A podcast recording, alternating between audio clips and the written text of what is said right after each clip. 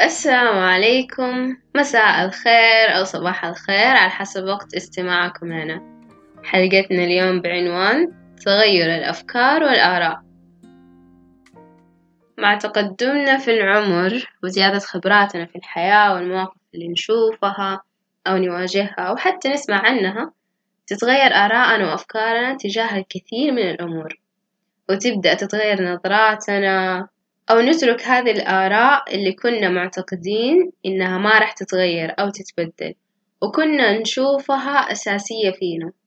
والأفكار هذه تتغير إذا واجهنا مواقف معينة خلتنا نشوف الوجه الآخر من العملة ونفهم وجهات النظر المختلفة ونحس إنها منطقية أكثر أو مريحة لنا أكثر من الرأي الأساسي اللي كنا متبنينه. أو حتى بمجرد تفكيرنا في الآراء هذه ومحاولتنا لفهم الأسباب اللي خلتنا نمشي عليها. ويمكن كمان يكون لأنه مرينا بتجربة سلبية كانت أو إيجابية أو بنحاول نمشي خلف آراء المجموعة اللي إحنا نحاول ننتمي لها عشان يتقبلونا. الأسباب تتعدل وتختلف من شخص لشخص لكن في النهاية الأفكار والآراء قابلة للتغيير والتعديل. بالفعل. التغيير في الأفكار والآراء ممكن يكون للأفضل أو للأسوأ.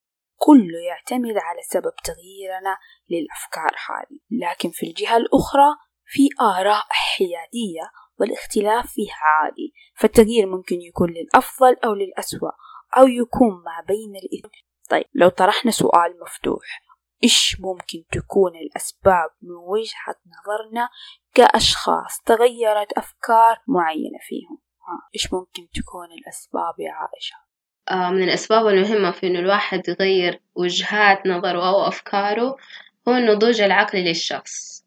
يعني الواحد أكيد آه بتقدمه في العمر وزيادة خبراته والمواقف اللي بيمر فيها بينضج بشكل أكبر وأكثر. وهنا ممكن تتغير فيه له أفكار وآراء آه بعد ما يشوف وجهات نظر مختلفة أكثر. تتضح عنده الرؤية بشكل أكبر آه ويفهم ليش الناس الثانيين والله كانوا ماشيين على هذا الرأي أو على هذه الفكرة ويشوف كيف مشيت حياتهم. هل واجهتهم صعوبات ولا لأ؟ آه وإذا واجهتهم صعوبات إيش هي وكيف تعاملوا معاها؟ هل هي فادتهم ولا لأ؟ فعلى هذا الأساس ممكن الواحد يغير فكرة أو رأي كان بيمشي عليه. صحيح كلامك. النضوج هو مرة عامل كبير ومؤثر. يمكن أن أعتبره العامل الأساسي في موضوع تغيير أفكارنا. آه وزي ما قلتي إنسان لما ينضج عقله تنضج معاه أشياء كثير وبينها تغير أفكاره لأنه أساسا التغيير قائم لا محالة. والنضوج هنا نوع من أنواع التغيير. فهذا التغيير قاعد يأثر بشكل أو بآخر على الإنسان. موضوع السلوك. الإنسان لما تتغير سلوكياته في الحياة ونمط معيشته أو مثلا لما يجرب حاجة معينة وهنا التجربة نوع من أنواع السلوك ممكن هنا تتغير فكرة معينة عنده. وكمان برضو آه الفكرة نفسها لو أتغيرت المشاعر اتجاهها لو إنسان فهم المشاعر نفسها بشكل صحيح مثلا لما أهلنا آه يكونوا متبنيين فكرة وإحنا نتبنى هذه الفكرة. إحنا هنا تبنينا الفكرة بناء على مشاعر أهلنا.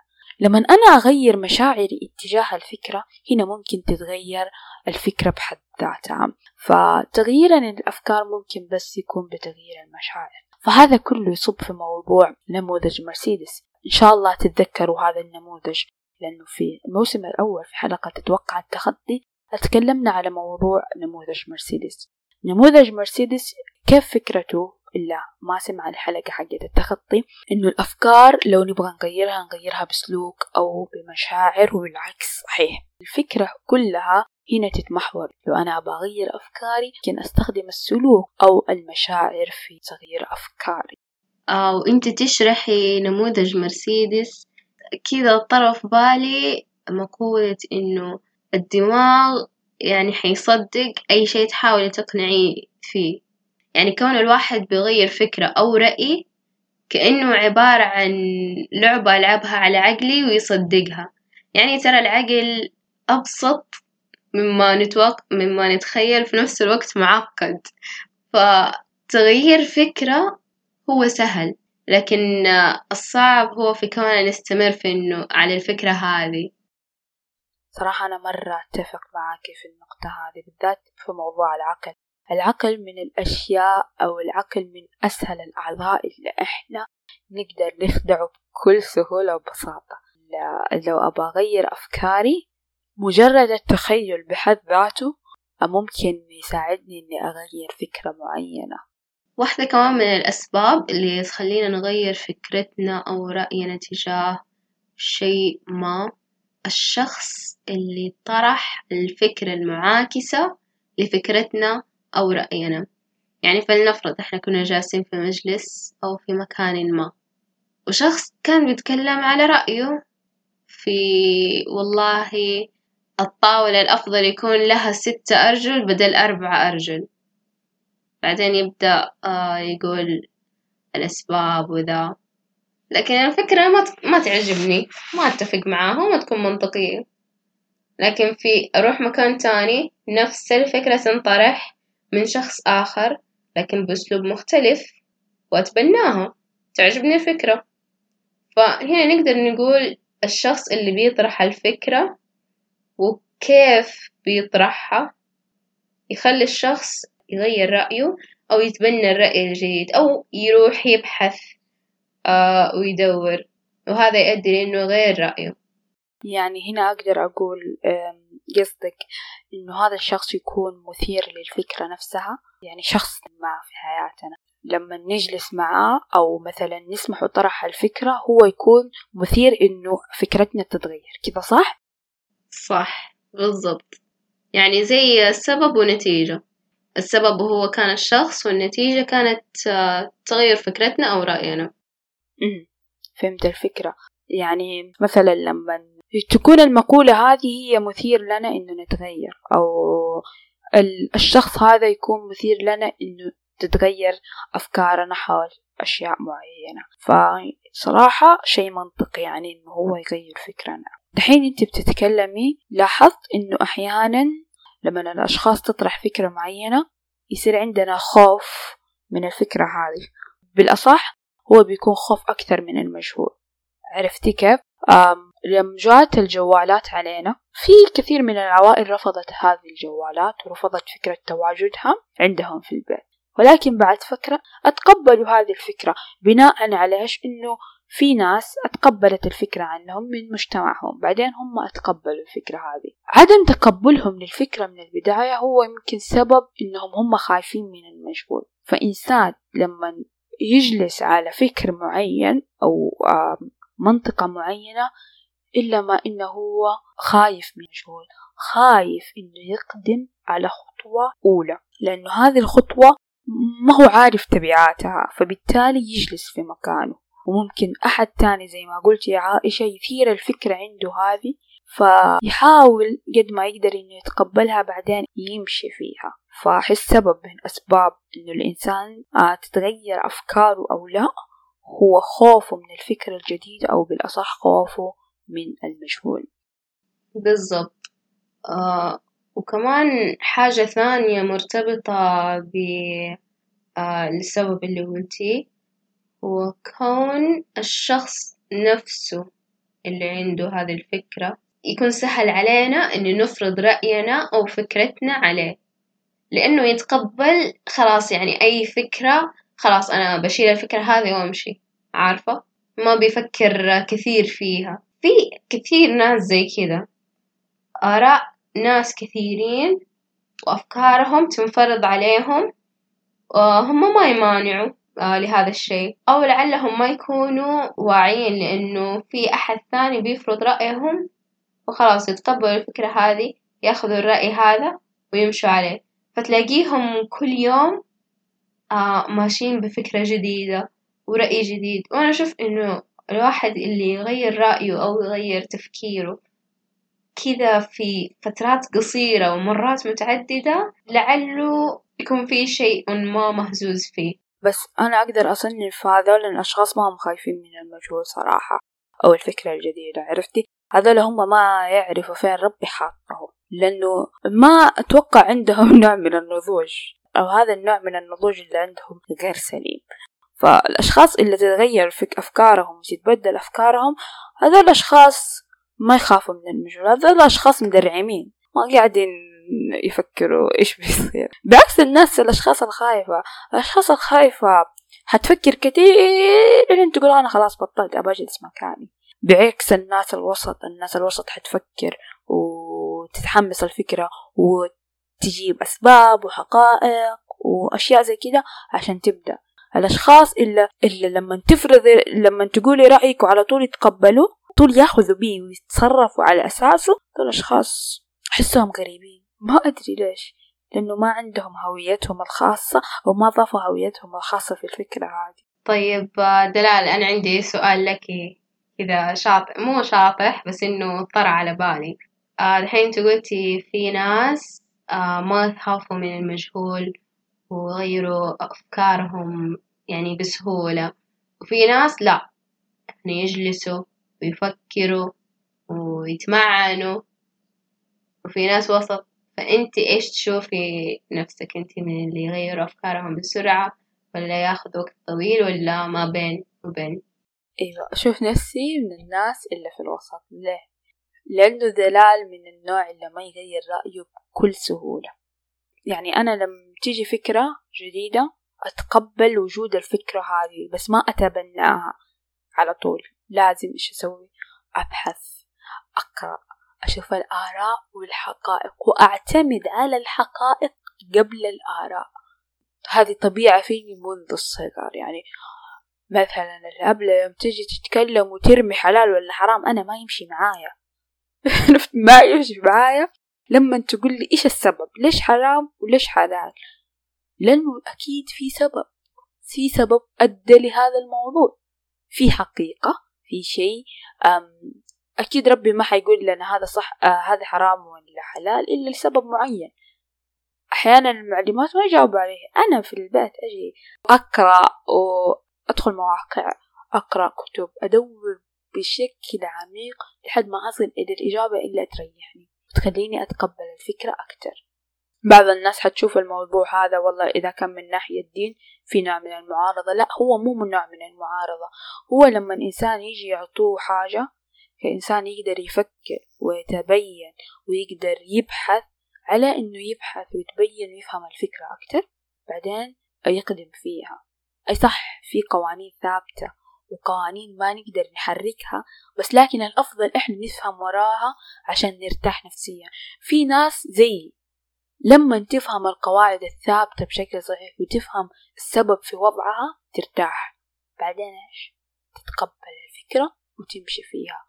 لو أنا أخذت الفكرة زي ما هي وأقول أنا حأتبناها وأخذها وأمشي بيها أحيانا حيصير في نوع من الشك وعدم اليقين في أشياء ومراحل كتير في حياتي. فأنا ما أبى أوصل لهذيك النقطة اللي تخليني أشك وما أكون متيقنة في الموضوع هذا وأكون مترددة ويصير الموضوع شاغل بالي بعشرين ساعة. لأ أنا بأوصل لمرحلة أكون أفهم الموضوع أكتر عشان ما أوصل لمرحلة الشك وعدم الراحة اللي تصير أحيانا للناس إجابتك صراحة مرة جميلة. آه فعلا في آه كثير آه زي ما قلتي اللي يجلسوا يفكروا يفكروا فترة طويلة لين خلاص يكنسلوا إنهم يغيروا الفكرة. آه ويعني خلاص أساسا يقفلوا الباب على آه التغيير أو التعديل. لكن آه أنت في النص تبحث تتقبلي الفكرة تبحثي وتدوري. وهذا الشيء أحس يفتح للواحد باب إنه يجرب أشياء جديدة. غير يعني في الجانب الديني آه بتكلم بشكل عام إنه يجرب أشياء جديدة تنفتح له فرص لأشياء جديدة يجربها. ممكن آه هوايات أو أشياء ثانية يعني يلاقي فيها شغف. وهذا شيء جميل جدا. آه أما أنا إذا كنت بجاوب على السؤال أحس يعتمد على الفكرة نفسها اللي بغير رأيي تجاهها. لأنه أحيانا كثير مو مو أحيانا يعني دائما. إذا كنت بتعرض لفكرة جديدة أو رأي جديد آه، أشوف يعني هل آه، يستاهل إنه والله أبحث فيه له ولا لأ؟ ولا هو أساسا يستاهل إني أغير رأيي فيه ولا لأ؟ إذا أيوة أشوف يعني هل خلاص يعني تغيير سريع أو لأ لازم أبحث. لأنه الموضوع لا والله شاكة فيه له مو عاجبني مرة ولازم أتأكد من حاجة. إيه صراحة فهمت عليك. صح. في النقطة هذه اللي قلتي إنه على حسب نوع الفكرة وعلى حسب نوع الطرح كمان يختلف. أحيانا في أشياء تثير انتباهك وأحيانا لأ. في أحياء أشياء تستحق وأحيانا ما تستحق. وهذا برضو يرجع لموضوع النضوج العقلي وهنا يمكن نقدر نلخص الفقرة كاملة. هو موضوع النضوج لا أكثر ولا أقل. إني أبغى أغير فكرة وأبغى أستمر عليها هو موضوع تغير موضوع, آه، موضوع نضوج التغيير قائم لا محالة. كل شيء قاعد يتغير ويتبدل. أتوقع إحنا تكلمنا عن التغيير في آخر حلقة في الموسم الأول. آه فالتغيير قائم قائم. فكله يرجع على موضوع النضج ويركز على موضوع النضج.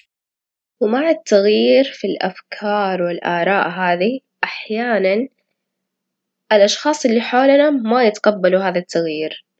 أو أحيانا حتى إحنا بنفسنا ما نكون قادرين نتقبل هذا التغيير فهذا شيء طبيعي في البداية. يمكن عدم تقبلنا لتغيير أفكارنا يخلينا نحس إننا بنفقد جزء من شخصيتنا وهويتنا. لأنه أغلب الآراء اللي تتغير هي اللي إحنا بنعتقد إنها ثابتة فينا وأساسيات ومسلمات وما راح تتغير لو إيش ما صار. طيب فلما تتغير وتتبدل أو تتعدل نكون مستغربين مصدومين أو نحس بالضياع. ونبدأ نسأل نفسنا يعني ليش هذا التغيير بيحصل؟ ليش دحين؟ وأحيانا نحاول نرجع لرأينا القديم لكن نحس بعدم الراحة ونميل أكثر للرأي الجديد.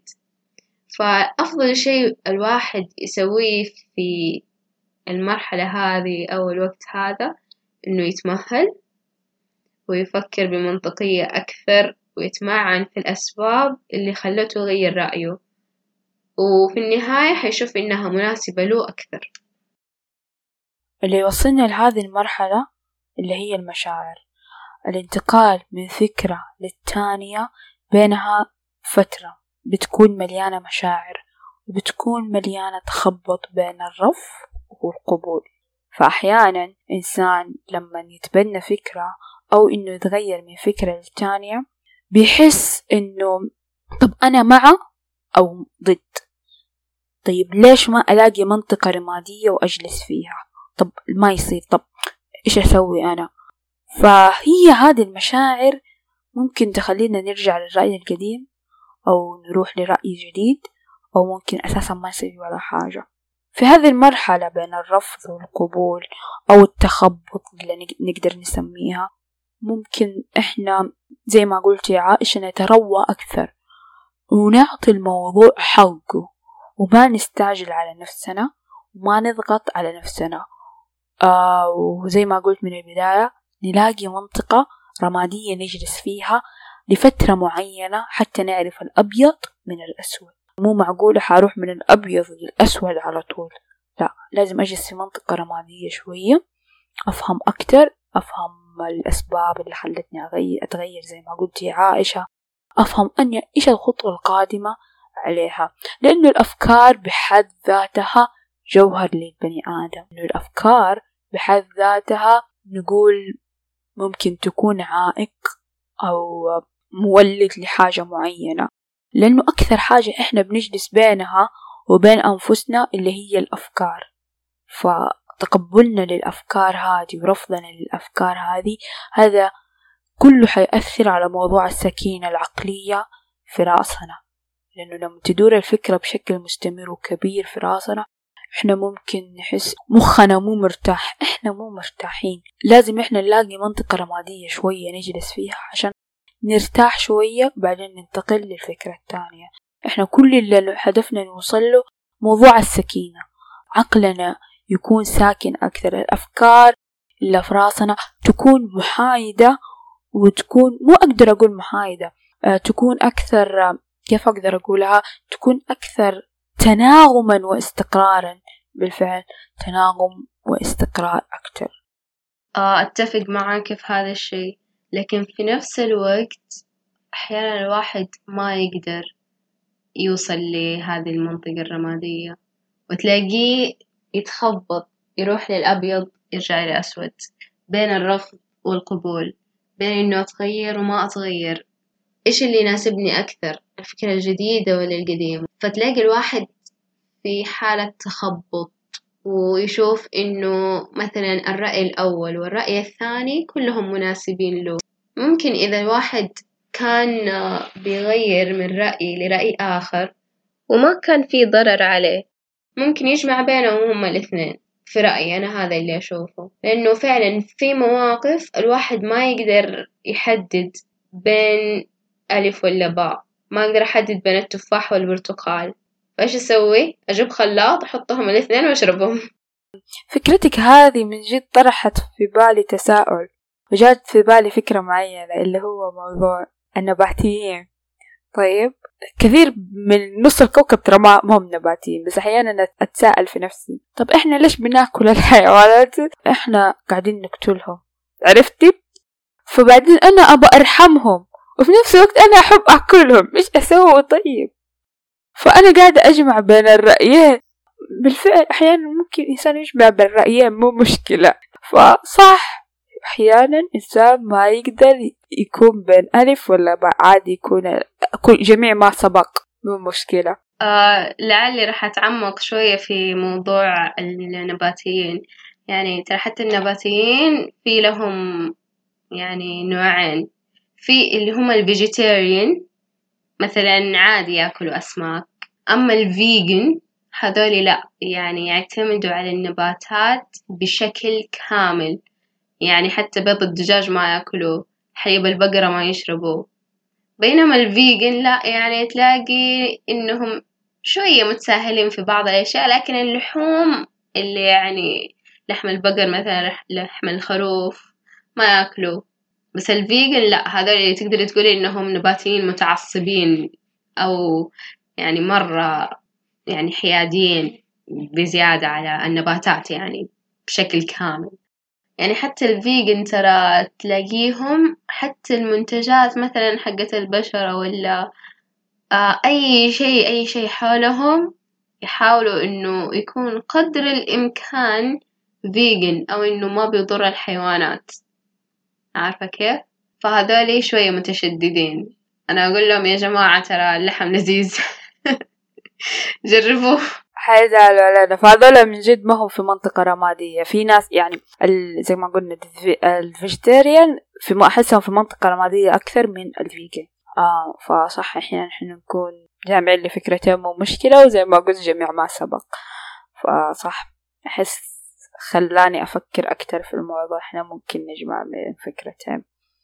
وفي نفس الوقت أنا أحس إنه الشخص لازم يكون أناني اتجاه أفكاره.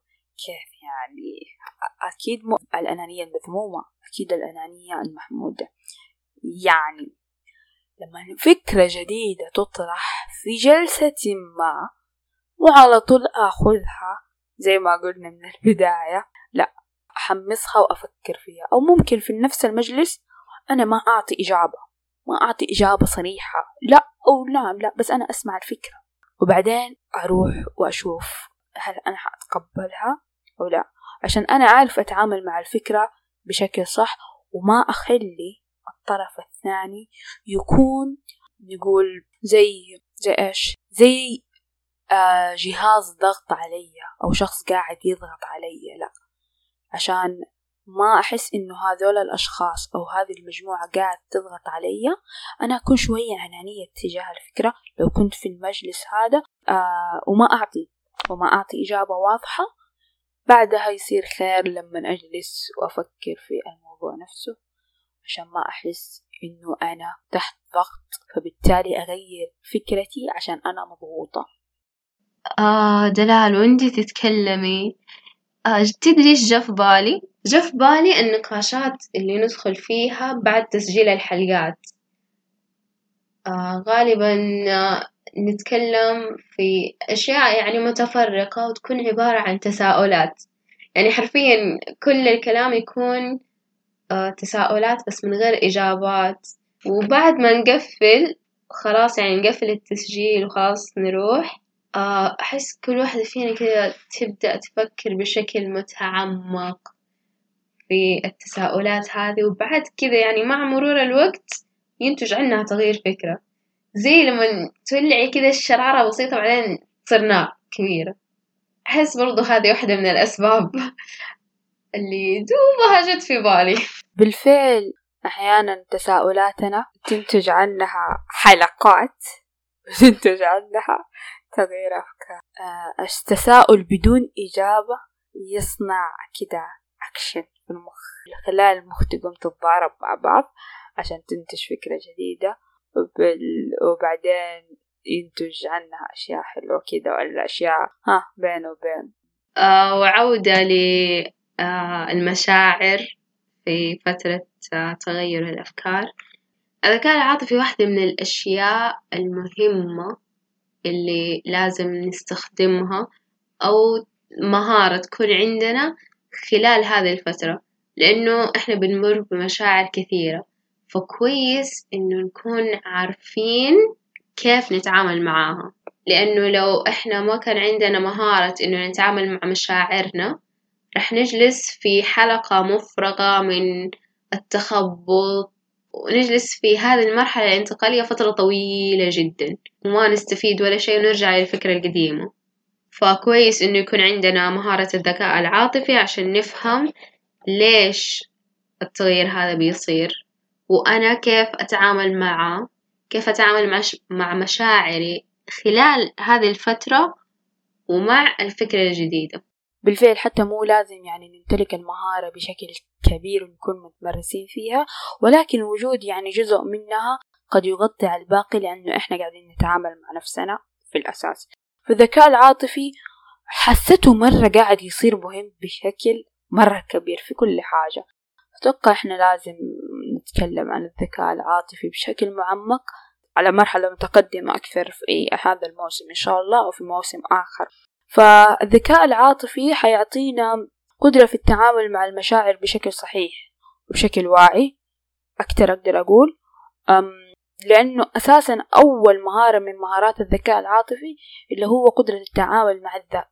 ففي النهاية إحنا نبى نوصل لمرحلة إنه الأفكار في مخنا تكون أكثر هدوءا والموج والنقول العاصفة اللي في مخنا تكون مرتاحة أكثر.